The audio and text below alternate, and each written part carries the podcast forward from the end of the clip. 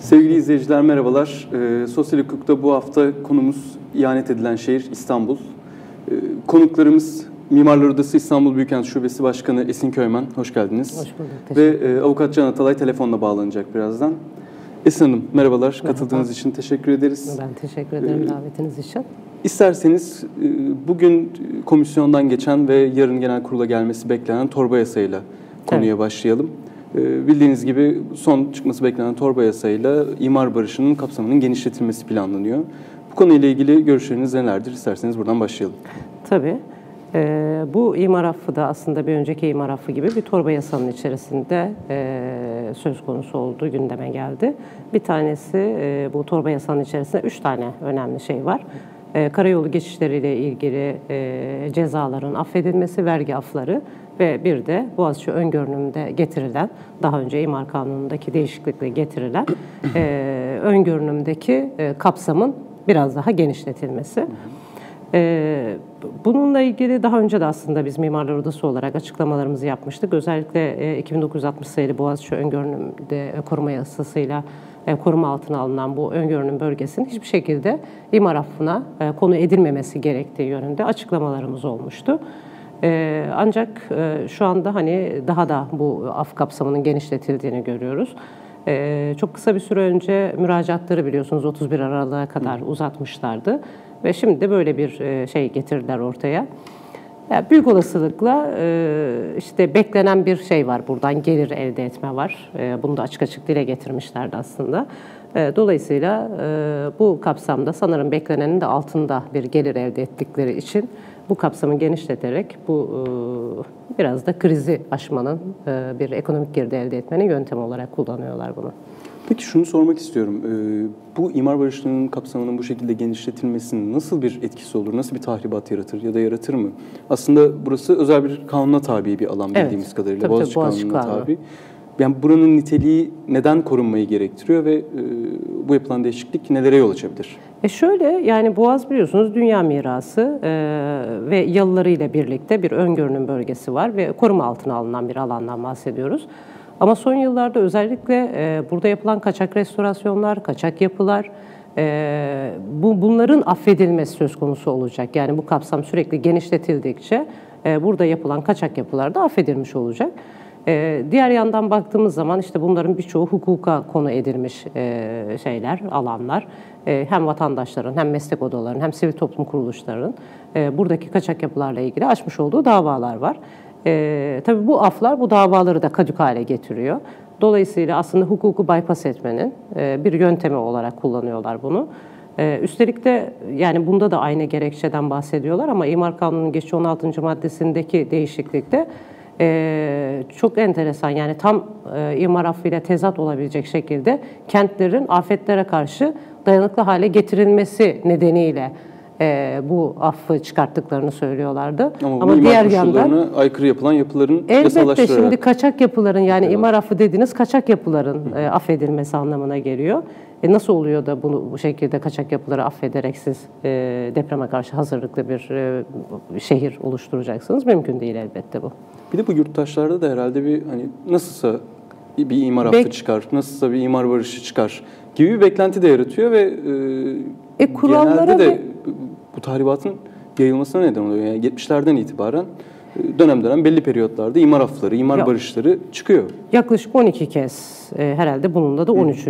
kez işte bu 40'lı yıllarda 70'li yıllarda yani 40 50-60 arasındaki 6 tane imar affı 70-80 arasında işte 85'e kadar olan süreçte 6 tane imar affı daha var. Bir de bu var. Ama hiçbirinde tabii bu Boğaziçi öngörünüm ya da tarihi yarımada çünkü bir öncekinde tarihi yarımada da vardı. E bunların hiçbiri aslında affa konu edilmemişti. Bugüne kadar edilmemiş Bugüne kadar edilmemişti ama bu boyutta bu artık yağmanın önünün açılması demektir tabii. Yani öyle baktığımız zaman e, öngörünün bölgesinde neredeyse yalılar hariç yani birinci sıra kıyıdaki yapılar hariç bütün yapılar neredeyse işte bu imar affına konu edilebilir İmar hale geldi. girmeyen bir yer kalmamış oldu. Neredeyse kalmadı tabii yani hani şeye baktığımız zaman e, bir e, kroki e, vermişlerdi bir önceki imar affında da. E, bugün gündemde olan ve mecliste e, tartışılan e, imar affı kapsamını karşılaştırdığımızda ciddi anlamda değişiklikler olduğunu görüyoruz. Özellikle Beykoz, Üsküdar, tarafları, Sarıyer sahillerinde ciddi anlamda şeyler var. İmar affı kapsamının genişletildiğini görüyoruz. Bir de şunu da sormak istiyorum. Yani bu imar affı çıkıyor.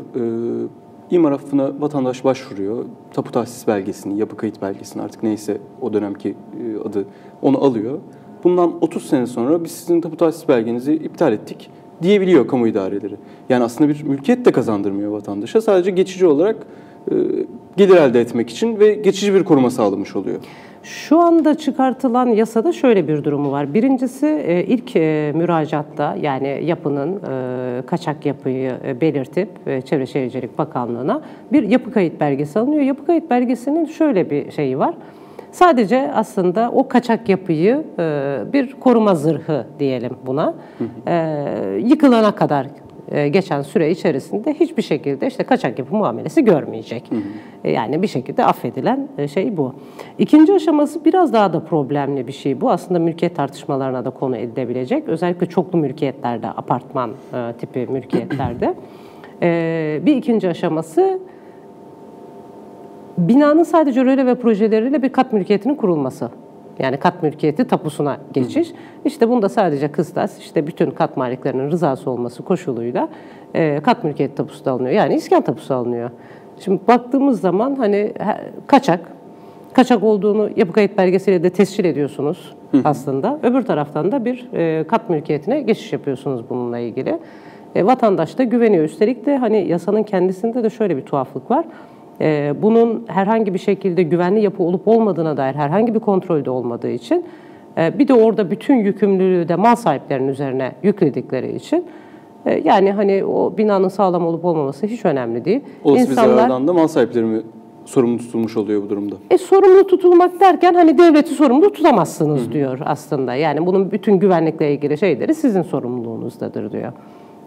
E şimdi böyle baktığımız zaman yani bir imar affı var. E, üstelik de gerekçe maddenizde siz e, afetlere karşı şehrin e, daha sağlıklı bir hale getirilmesi yönünde çaba sarf ettiğinizi söylüyorsunuz. E, diğer yandan da bütün yükü mal sahiplerinin üzerine yüklüyorsunuz. Ondan sonra da kenara çekiliyorsunuz. Peki burada devlet ya da bakanlık ne yapmış oluyor? Sadece bundan belli bir bedel almış oluyor. Hı hı. Onun dışında bir de tapu işlemini yapmış oluyorlar. Bu kadar. Peki, e, aslında biz programın konusunu, konu başlığını seçerken e, Cumhurbaşkanı Recep Tayyip Erdoğan'ın bir lafından alıntı yaparak seçmiştik. Demişti ki bu kente ihanet ettik, bundan ben de sorumluyum. Evet. E, şimdi bu torba yasayla geç, gelecek olan ve imar barışının yarattığı bir tahribat var tabii ki ama bunun e, tek başına bir tahribat değil. Bu aslında bir bütünün parçası. Elbette. O bütünün diğer parçaları da İstanbul'da yapılan ve yapılması beklenen mega projeler örneğin. Ve işte 3. Havalimanı, 3. Köprü, Marmara, Kuzey Marmara Otoyolu. E, Mimarlar Odası'nın en başından beri takip ettiğini biliyoruz bu süreçleri. Bunlarla ilgili ne söylemek istersiniz? Bir kısmı tamamlandı, bir kısmı devam ediyor, bir kısmı yapılmak isteniyor. Henüz başlangıç aşamasında mesela Kanal İstanbul gibi. İhanetle mi başlayayım? Yani ee, oradan başlarsanız. öyle başlayayım. Ee, ya da şöyle sorayım yani e, sadece e, Sayın Cumhurbaşkanı mı sorumludur? Başka sorumlular var mıdır? O da sorumlu mudur? Ee, yani şöyle söyleyebiliriz elbette. Şimdi bir kere hani evet ihanet ettik, çok pişmanız demekle olmuyor bu iş. O zaman hani e, gerçekten bir pişmanlıksa ve yanlış yaptığınızı düşünüyorsanız ki bu elbette sadece bir kişiyle yapılacak, açıklanabilecek bir durum değildir. E, pek çok bakanlıklar var bunlarla ilgili, belediyeler burada sorumludurlar. E, ama tabii çok da samimi bulmadığımızda hani açık açık ifade etmek gerekiyor. Ee, çünkü bundan sonra devam eden süreçte de aslında aynı hatalar bütün bilim e, çevresi, meslek odaları, sivil toplum örgütleri tam tersini söylemesine rağmen bu tür e, ihanetler devam ediyor diyelim. Ee, üçüncü köprü biliyorsunuz 2009 yılında Metropoliten Planlama Merkezi'nde ki o zaman e, Büyükşehir Belediye Başkanı e, Kadir Topbaş'tı ve çok övünerek e, bahsediyordu bundan. 500 tane bilim insanıyla biz e, çevre düzeni Nazım İmar Planı yapıyoruz İstanbul için diye. bu Nazım İmar Planı'nda e, biliyorsunuz ağırlıklı olarak hani ulaşım akslarının da net bir biçimde ifade edilmesi Hı. gerekiyordu ve bütün bu bilim insanları orada 3. köprü, 3. havalimanı gibi hani bu şeyleri şu andaki mevcut yerleri 3. köprüyü zaten hiçbir şekilde önermemişlerdi. Havalimanı da şu anda zaten Silivri taraflarında eğer gerekirse bir 3. havalimanı e, yapılabilir diye bir önermeleri vardı. Peki ne oldu? Bu, bu bahsettiğiniz önermeleri vardı dediğiniz e, 2009'daki tabii tabii tabii Nazım Mimar Planı'ndan bahsediyorum. Çevrecilerin Nazım Mimar Planı'ndan bahsediyorum 100 bin ölçekli. Sonra bir plan tadilatıyla, bir plan notu tadilatıyla hatta e, üçüncü köprüden e, 100 binlik plana işlendi. Arkasından havaalanı e, yapıldı. E şimdi de bir Kanal İstanbul projesinden bahsediliyor. E, üçüncü köprü için neden orada olmaması gerektiğini de aslında kendileri 100 binlik planın raporunda açıklamışlardı. Ee, yani İstanbul'un ezelden beri söylenen yani 40'lı 50 yıllardan beri işte lineer bir yapılaşma, kuzeye hiçbir şekilde açılmaması gerektiği, ee, özellikle göçlerle şehrin sürekli sıkıştığı ama kuzeydeki ormanların işte oradaki su toplama havzalarının korunması gerektiği yönünde hani bir ilke kararı vardı.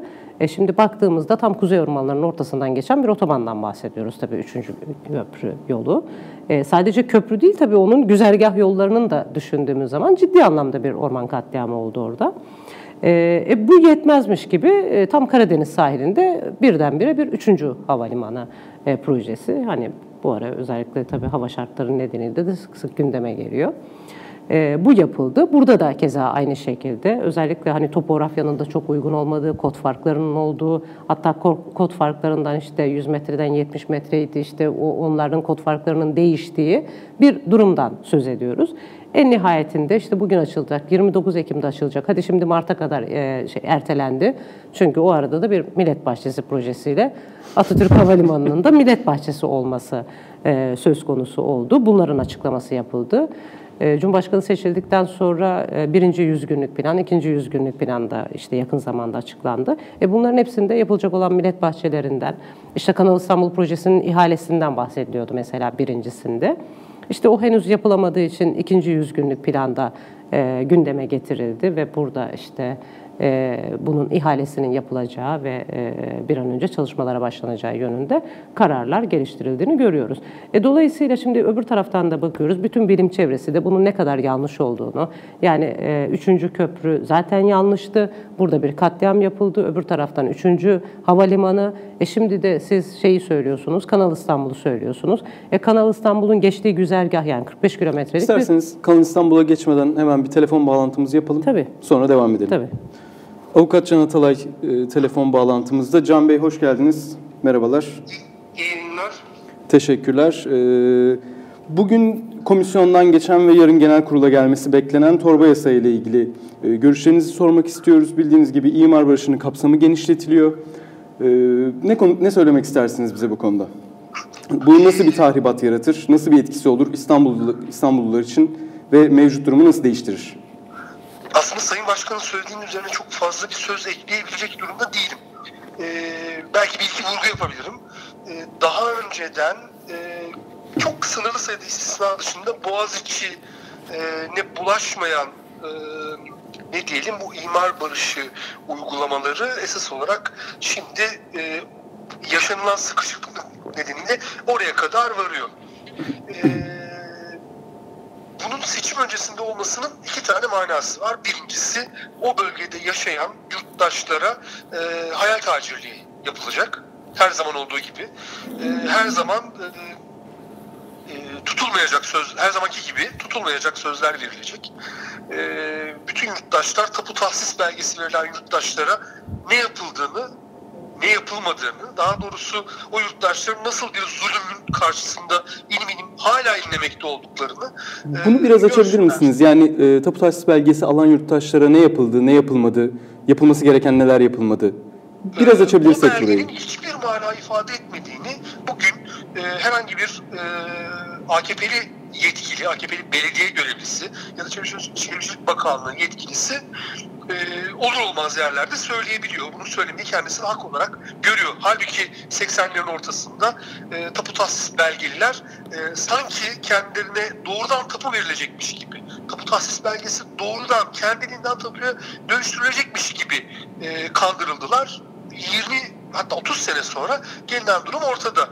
Ya, ya da son imar barışı ile ilgili olarak e, söylenmesi gereken son imar barışı denen e, e, normun esas olarak yurttaşların, dar, dar gelirli yurttaşların kendilerini ihbar müessesesini e, tesis etmek dışında herhangi bir anlam taşımadı. Yani siyasi patronaja yakınsanız imar barışı tırnak içerisinde sizin için bir anlam ifade edebilir. Yani siz e, kaçak yaptığınız inşaatları e, tırnak içerisinde hukuki hale dönüştürebilirsiniz. Örneğin Turizm Bakanıysanız mesela.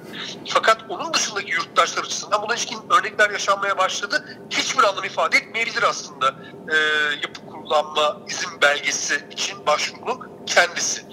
Birinci grup, başa döneyim. Bu yasayla ilgili olarak birinci grup e, yapılmak istenen bu. Ama ikinci grup bence daha tehlikeli. Türkiye'de e, Mücella ablamın söylediği gibi, Mücella Yapıcı'nın söylediği gibi e, İstanbul bütün sınırlarıyla sınanıyor. Ekolojik e, ve e, kentsel, beşeri coğrafyası açısından sınanıyor ama bunun ötesinde bir durum var artık.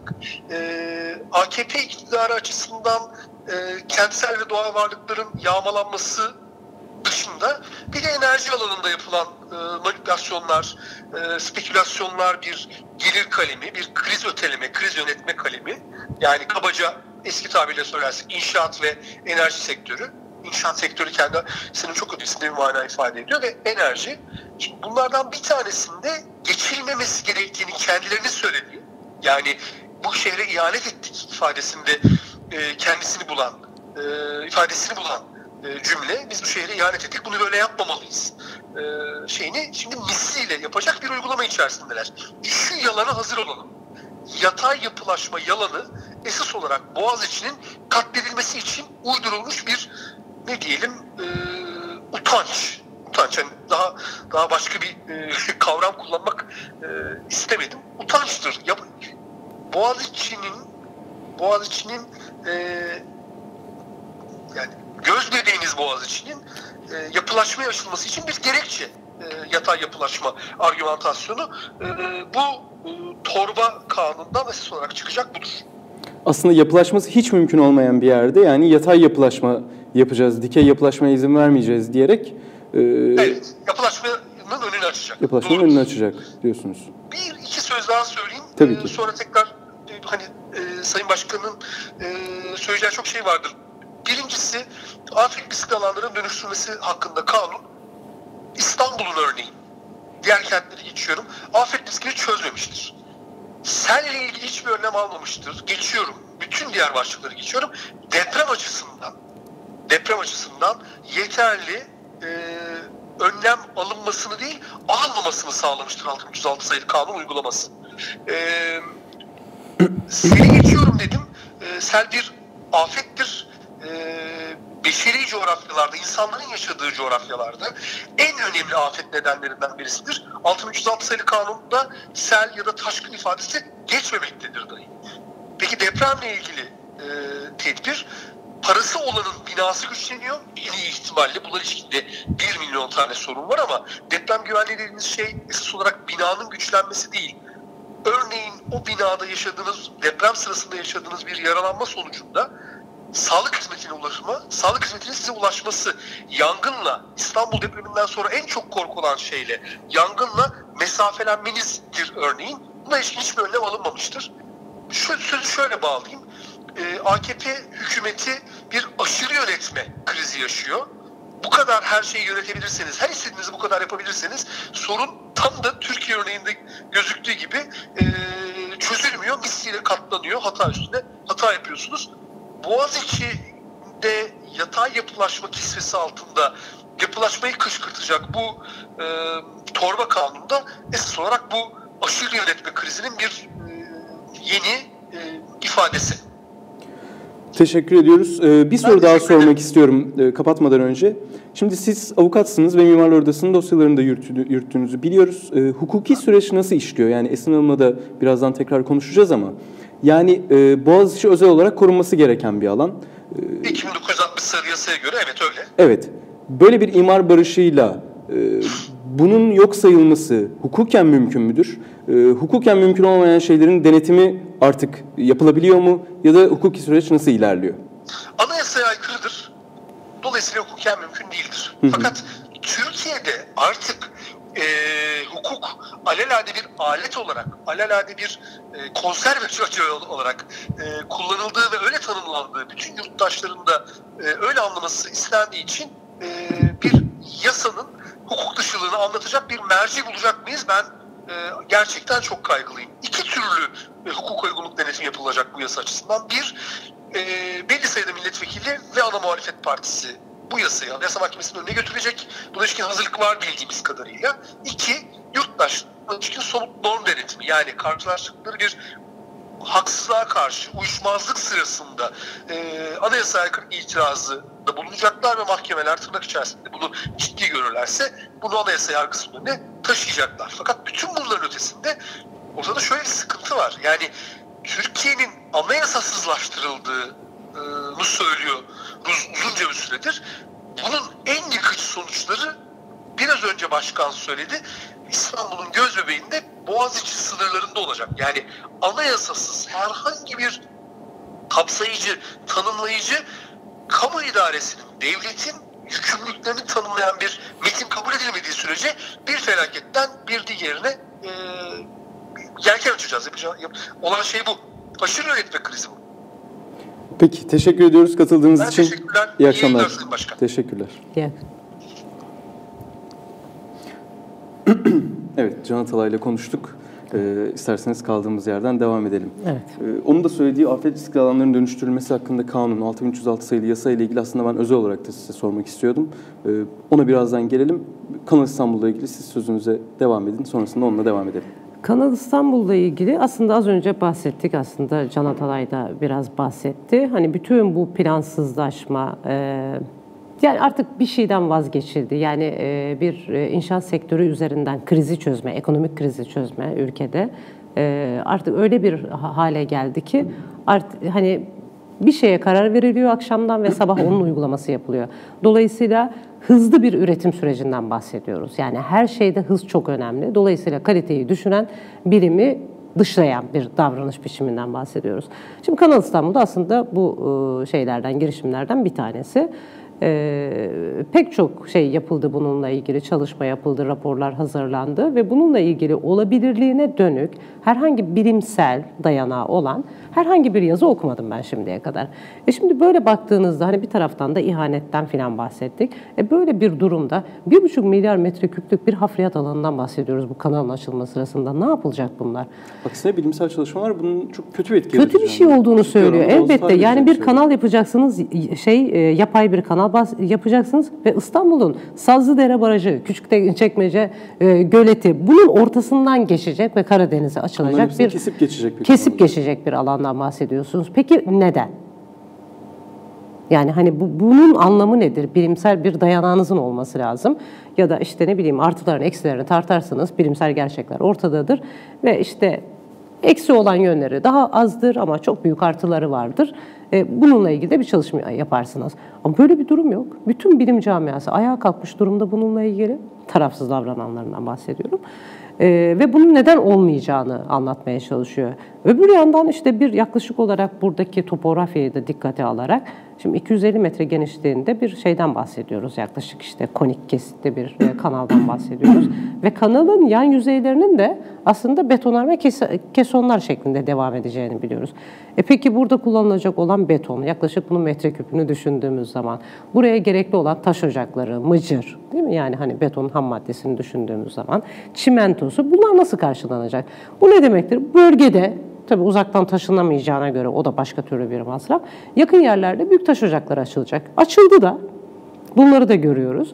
E diğer yandan baktığınızda işte Kanal İstanbul güzergahı dediğimiz güzergahta işte acele kamulaştırmalar aslında hani sadece 6306 değil, acele kamulaştırmaların yapıldığını görmeye başlıyoruz. E bir taraftan da 6306 ile ya riskli alanları bunlar yıkılması lazım filan diyorsunuz oradaki yerleşik köy alanlarına. E ama öbür taraftan da diyorsunuz ki burası Riskli hani alanda riskli alanda kalıyor ama biz burada bir düzenleme yapacağız. Kanalın etrafında yalı boyu evleri yapacağız diye projelendirmeler yapıyorsunuz. Üstelik bunları tanıtım dosyalarında kullanıyorsunuz. Yani herkesin görebileceği şekilde Şimdi yapıyorsunuz tam bundan bunları. bahsetmişken şunu söylemek istiyorum. Yani e, normalde böyle bir tanıtım dosyasının hazırlanabilmesi için bile en azından önce bir imar planı hazırlığının olması gerekmiyor mu? Yani ülkemizde öyle bir şey olmuyor biliyorsunuz. Ee, dolgu alanları da dahil olmak üzere. böyle bir proje yapılabilir mi? Oradaki atıyorum tanıtım Hukuken mi söylüyorsunuz? Hukuken söylüyorsanız Evet, yani üç elbette yapılmaz. plan ona uygun olacak mı acaba? Elbette yapılmaz ama hani bizde hiçbir iş öyle gitmiyor. Yani Maltepe sahil dolgusu 1 milyon 200 bin e, metrekarelik bir alandan bahsediyoruz. Dolgu alanından bahsediyoruz. 3,5 kilometre boyunda bir dolgu. Yaklaşık işte 350-400 metre arasında bir genişlik.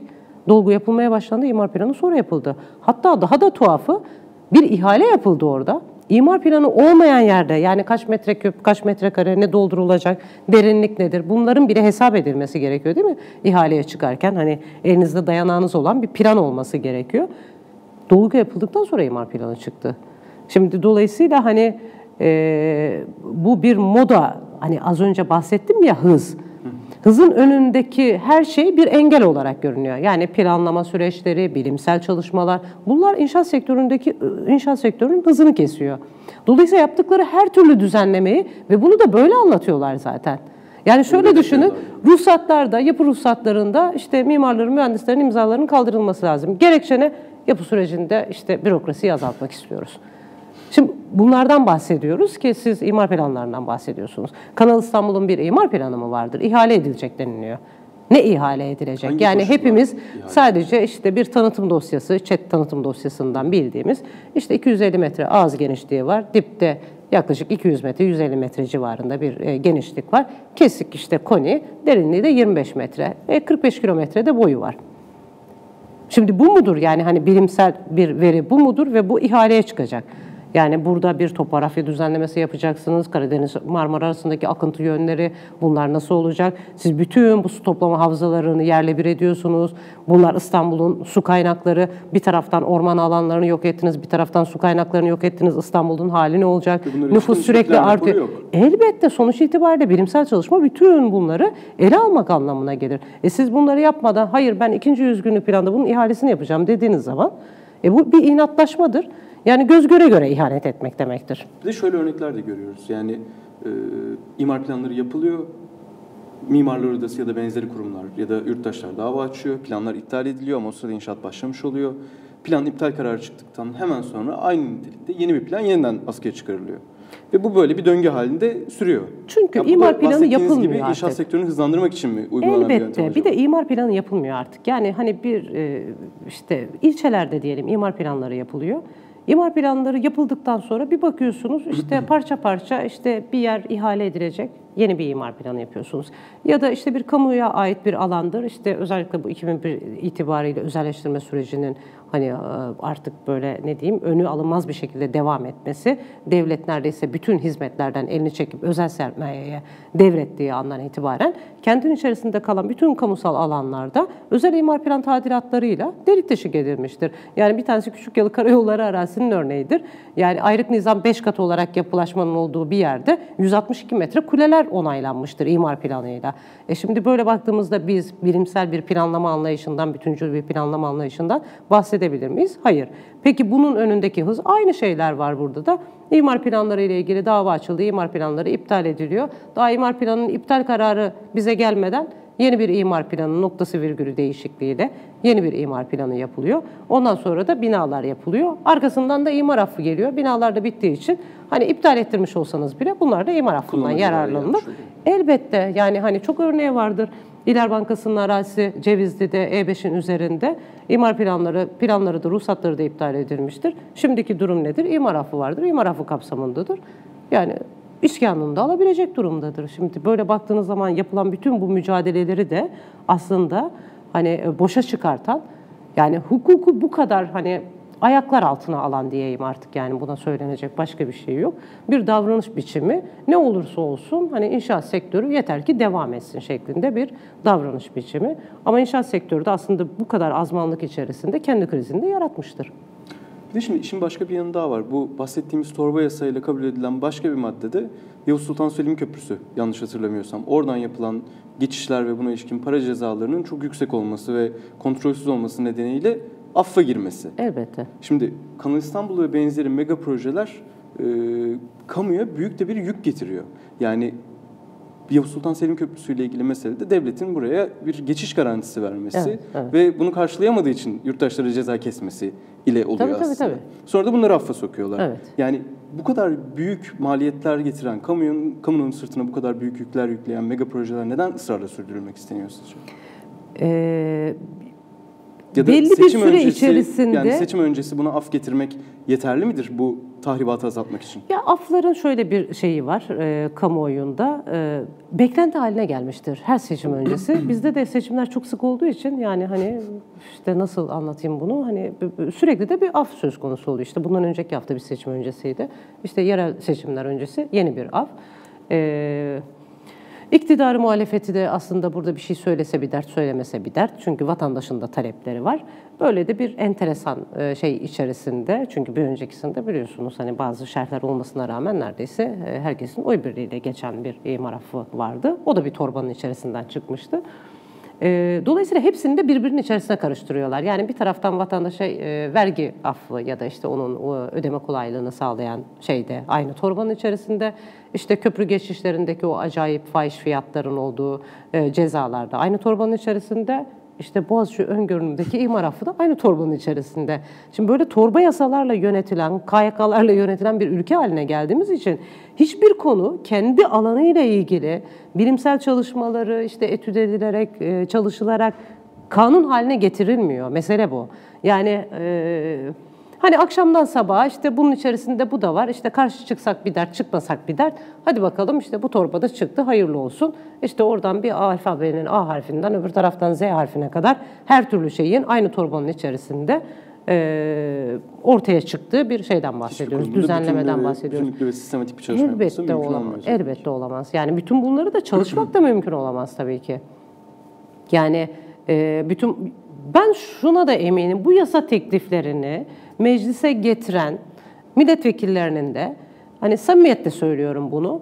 e, gerçekten bütün bu imza altına alıp da meclise önerge olarak verdikleri bu yasa tekliflerini kendilerinin de detaylı olarak inceleyebildiklerine inanmıyorum. Yani bu gerçekten üzücü bir durumdur ama e, durum bu. Yani bu kadar konuya hakim olabilmeleri de mümkün, değil Mümkün tabii. Peki e, 6306 sayılı yasa ile ilgili de biraz konuşalım isterseniz. Bu afet riski altındaki alanların dönüştürülmesi hakkında kanun çıktı. E, çıkarken de aslında bütün yurttaşların tapulu e, taşınmazları olan yurttaşların bile bütün haklarını elinden alan bir yasa olarak çıktı bu. Yani atıyorum bir apartmanda yalnızca bir daire sahibi burası riskli yapıdır dediğinde oradaki dairelerin satışına kadar, icra yoluyla satışına kadar götürebilecek bir Evet. sistem var ve hatta ilk çıktığında yürütmenin durdurulması kararı istenemiyordu. Anayasa Mahkemesi sonradan iptal etti. Ee, Bir yandan da böyle bir elinde sopayla bekleyen bir kamu idaresi var. Evet. Diyor ki ya müteahhitlerle anlaşacaksın. Burayı işte evin küçülecek ya da ne olacak fark etmez. Ee, Eğer tapu, tapun yoksa, tapu tahsis belgen varsa gerekirse tamamen alırım elinden. Benim koşullarıma uyacaksın. Ya da burayı yıkacağım. Seni başka yere göndereceğim. Böyle bir yasa karşısında insanlar nasıl e, afet riski altındaki e, evlerini yenileyebilirler? Nasıl hayatta kalabilirler? Nasıl sağlıklı bir konuta erişme hakkını kullanabilirler? Ya bununla ilgili çok trajikomik bir şeyden bahsedeyim size. 6306 sayılı afet riski altındaki alanların dönüştürülmesi hakkında kanunu bir sürü şekilde uyguladılar. İşte bir yapı stoğu nedeniyle yani tek tek bölgede apartmanlarda farklı, da farklı şekillerde E, uygulanan bir elbette yasa. elbette. Yani e, işte bir e, binanın herhangi bir binanın sağlam olup olmadığı kontrol edildi. Ya işte sağlam değil 6306'ya göre riskli yapıdır. Dolayısıyla yıkılıp yeniden yapılması gerekiyordur. Şimdi birincisi bu. E, o dönem 4000 metrekare bir parselin üzerinde ikiz blok olarak e, yanlarındaki her iki yanındaki sağındaki ve solundaki parsele bitişik nizam olarak yapılan e, blokların olduğu bir parselden bahsediyorum. Riskli alan e, şey e, riskli alan ilan edildi. Yapı değil. Yani riskli alan ilan edilmesinin sebebi e, üzerindeki yapı stoğunun o iki tane bloğun riskli olması. Aslında riskli alan denilebilmesi için bir zemin etüdü yapılması gerekiyor. Şimdi Bakanlar Kurulu kararıyla riskli alan ilanı yapıldı. Burada 4000 metrekare bir parselden hükümete yakın bir e, şirketti diyeyim bu grup. Emsali yapılaşması işte arsalının bir buçuk katı kadar bir inşaat alanı varken riskli alan ilan edildikten sonra Çevre Şehircilik Bakanlığı hem bin ölçekli uygulama imar planını hem 5000 ölçekli nazım imar planını yaptı ve emsalini iki buçuk yaptı. Şimdi yani 6306 sayılı yasa işte böyle iktidara yakın iseniz emsalin artışı yani rantın artışı o bölgedeki e, rantın artışı yönünde kullanılabilecek bir yasa. Diğer yandan da işte ne bileyim başını sokabileceği emekli oldu. İşte genelde karşımıza çok çıkıyor bu. E, bir evi var e, ama işte binada özellikle müteahhit firmalar hemen işte bir tane daire boşaldığında ya da küçük bir dükkan boşaldığında burayı satın alıyor. Dolayısıyla orada mülk sahibi olduğu için ya bu bina sağlam mıdır değil midir diye kontrolünü yaptırıp riskli binaysa şimdi diğer bütün kat maliklerinde bağlayacak şekilde hatta o şirketle anlaşma yapmak zorunda bırakacak şekilde de bir uygulaması da var bunun. Ee, öbür taraftan da işte Top Konut İdaresi o dönem devreye girmişti. Şimdi bakanlık da aynı şeyi yapıyor. İşte yanaşmıyorsa üçte iki çoğunluk varsa işte e, geri kalanını üçte birlik bölümünü de Onay biz satın alırız. Evet. Ondan sonra da biz otururuz o müteahhitle anlaşmamızı yaparız ilginç şeklinde uygulanan iki tane farklı şeyden bahsediyorum. Yani aynı zamanda emsal artışı için yani basitçe hızlı imar planı tadilatının bir aracı olarak da kullanıldı bu 6306. Kim için? İktidara yakın kesim için. Ama diğer sıradan yurdum insanın davranış biçimi ne oldu? Onun tepesinde de bir kılıç gibi sallandırıldı 6306. Bir de işin ilginç yanı yani yasanın amacı afet riski altında depremden dolayı yıkılabilecek taşınmazların yıkılmayacak hale getirilmesi. Ama mesela yıkılıp yeniden yapılması için müteahhitlere teşvikler veriliyor ama binaların güçlendirilmesi için herhangi bir teşvik veriliyor mu ben bilmiyorum. Yani az önce aslında biz imar aflarından bahsettik. İmar affının gerekçe maddesinden bahsetmiştim size. İlk imar affının gerekçe maddesi. e, afet risklerine karşı dayanıklı bir e, kent oluşumu için bu imar affını çıkartıyoruz dedi. Şimdi başı e, imar afflarına karşı işte sağlıklı bir kent oluşturmak cümlenin sonu imar affı ile bitiyor. Şimdi böyle baktığımız zaman yani gerçekten birileri hani bizim aklımızda herhalde dalga geçiyor. E, yani ne farkı var? 6306'da da aynısı yapılmaya başlandı. Çok açıkça şöyle bir şey var. Bence sınıfsal bir saldırı da var 6306 sayılı yasa için söylüyorum. Ağırlıklı olarak gecekondu bölgelerinde bu riskli alan ilan edilmesi yönünde kullanıldı. Hani daha önceki acele kamulaştırmalar da dahil olmak üzere. Ve hektarlarca alanı kapsayan- Elbette yani hani baktığınızda hani bir taraftan da siyaseten de bir intikam aracı gibi de kullanıldı. Kendilerine yakın olan olmayan siyaseten işte oy aldığı alan olan olmayan.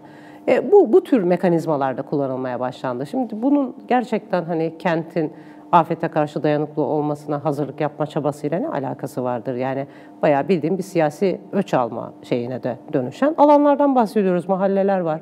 Yani 6306 denendi olmadı, acele kamulaştırma denendi olmadı. İşte bunların işte davaları oldu, davalar iptal edildi. Hala devam ediyor. E şimdi diğer taraftan işte tapu tahsislerin işte daha önce verilen tapu tahsis belgelerinin. E bunlar nasıl yerler zaten? Gecekondu mahalleleri dediğimiz mahalleler. E ağırlıklı olarak işçi sınıfının yerleştiği alanlar daha önce sanayi yapılarının söz konusu aslında bir yandan. Elbette, elbette. Yani e, çünkü kent içerisinde şöyle bir şey oluşmaya başladı. E, sanayi, üretim aslında İstanbul için söylüyorum, kentin içerisinden çekildi. Üretimin çekildiği alanlar neydi? İşte üretim dediğimiz eski fabrika alanları. Bu fabrikalarda çalışan işçilerin bulunduğu da mahalleler vardı. Kente yapılan saldırılar şöyle bir şey oldu. O fabrika alanları büyük rezidanslara dönüştürüldü. İşçi mahallelerine saldırılarda işte acele kamulaştırma ya da e, işte 6306 sayılı afet riski altındaki alanların dönüştürülmesi hakkında kanun kapsamında değerlendiriliyor. Peki e, yavaş yavaş programın da sonuna geliyoruz. İsterseniz son sözlerinizi alalım. Şimdi tam da bir de yerel seçim öncesi e, bütün adaylar İstanbul'la ilgili farklı farklı şeyler söylüyorlar. E, aslında şunu da merak ediyorum. Yani İstanbul'la ilgili bu amiyane tabirle projelerini sıralayan, vaatlerini sıralayan adaylar İstanbul'un talandan kurtulmasını, yağmaya açılmasının, yağmaya e, önünün engellenmesini ne dair söz söylüyorlar mı? Ya da siz nasıl yorumluyorsunuz, nasıl görüyorsunuz? Valla Bu ne kadar açıkçası- öncelikli yani onu söyle, onu sormak istiyorum. Şimdi artık e, halkta da öyle bir şey oluşmaya başladı ki belediye başkan adayları e, eğer bir proje, eğer bir bina, eğer bir yapı, e, işte ya da ne bileyim bir yerde herhangi bir şekilde bir konut e, projesi sunmuyorsa e, halk da artık ya bundan belediye başkanı da olmaz e, gibi var. Çünkü algı gerçekten hani inşaat sektörüyle belediyeler, yerel yönetimler, hatta hükümet filan böyle çok iç içe sokulmuş bir durumda. Böyle bir enteresan bir algı var.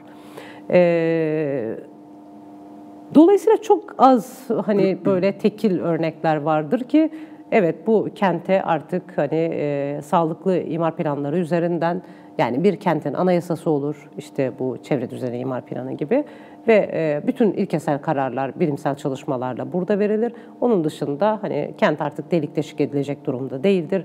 Artık kuzey ormanlarının savunulması gerekiyor. Bu alanlarda herhangi bir çalışma yapılmaması gerekiyor. İşte 3. köprü, 3. havalimanı, işte şimdi Kanal İstanbul gibi projelerin yapılmaması gerektiğini çok yüksek sesle de söyleyebilen belediye başkan aday adaylarından bahsediyorum. Sayı az. Ee, bunu söylemek de doğrusu onlara oy kazandırmıyor, oy kaybettiriyor. Böyle de bir e, algı problemi de oluşmaya başladı. Ee, bir kere yerel yönetimin hani insana nasıl dokunacağını anlatacak yeni e, şeylere, örneklere ihtiyaç var belki. Var olan tekil örnekler var Türkiye coğrafyası içerisinde. Ee, Bunların hiçbiri de inşaat sektörü üzerinden değil, bireyin e, işte kentte yaşamasından kaynaklı kentli hakkı, kentli olma bilincini e, ortaya çıkaracak. Onun her türlü kültürel e, işte hizmetlerden, sağlık hizmetlerinden, ulaşım hizmetlerinden, rekreasyon alanlarından sağlıklı bir şekilde yararlanabilmesini sağlayabilecek düzenlemelerin yapılması gerekiyor. Ama bir belediye başkan adayı tabii bunları söylediğinde yurdum insanı bundan ne anlayacak? Yani inşaat bile yapamıyor işte hani inşaattan bile bahsedemeyen bir belediye başkanı da derse de şaşırmam doğrusu. Çünkü algı ciddi anlamda hani uzun süredir öyle bir şey dayatıldı ki iyi belediye başkanı artık çünkü hepsi öyle göstermeye başladı. Şöyle binalar yaptım, böyle binalar yaptım, şurayı şöyle dönüştürdüm. İşte burayı da işte aslında burası başka bir alanda ama ben burayı imar açarak da böyle bir şey yaptım. Yarışan şeyler, projeler ne kentte yaşama hakkı ile ilgili ne kentli olma ile ilgili e, bir çalışma maalesef şimdiye kadar yapılmadı, uzun süredir yapılmadı diyeyim.